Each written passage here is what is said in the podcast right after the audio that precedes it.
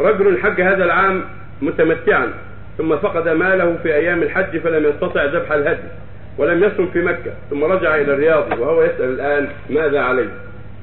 عليه يصوم عشرة أيام في الرياض يكفي عن الهدي إلا إذا أحب أن يهدي إذا كان يستطيع أن يرسل هديه إلى مكة ويذبح هناك كفى عن الصيام وإن صام فلا بأس لأن العبرة بحاله وقت وقت الوجوب فإذا كان ذاك الوقت عاجز وقد ماله فالصيام مجزي ولا إذا صام هنا أجزأته.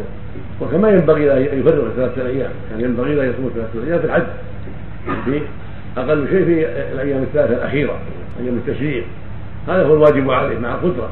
أما إذا كان عاجز واستطاع الصيام يصوم الثلاث مع السبع. يكون عشر يصومها في الأيام وإذا أحب يتيسر له الهدي وأحب أن يرسله إلى مكة ولا يصوم أرسله إلى مكة مع الثقة أو سافر به وذبحه هناك بنية الهدي فأكل وأطعم. نعم.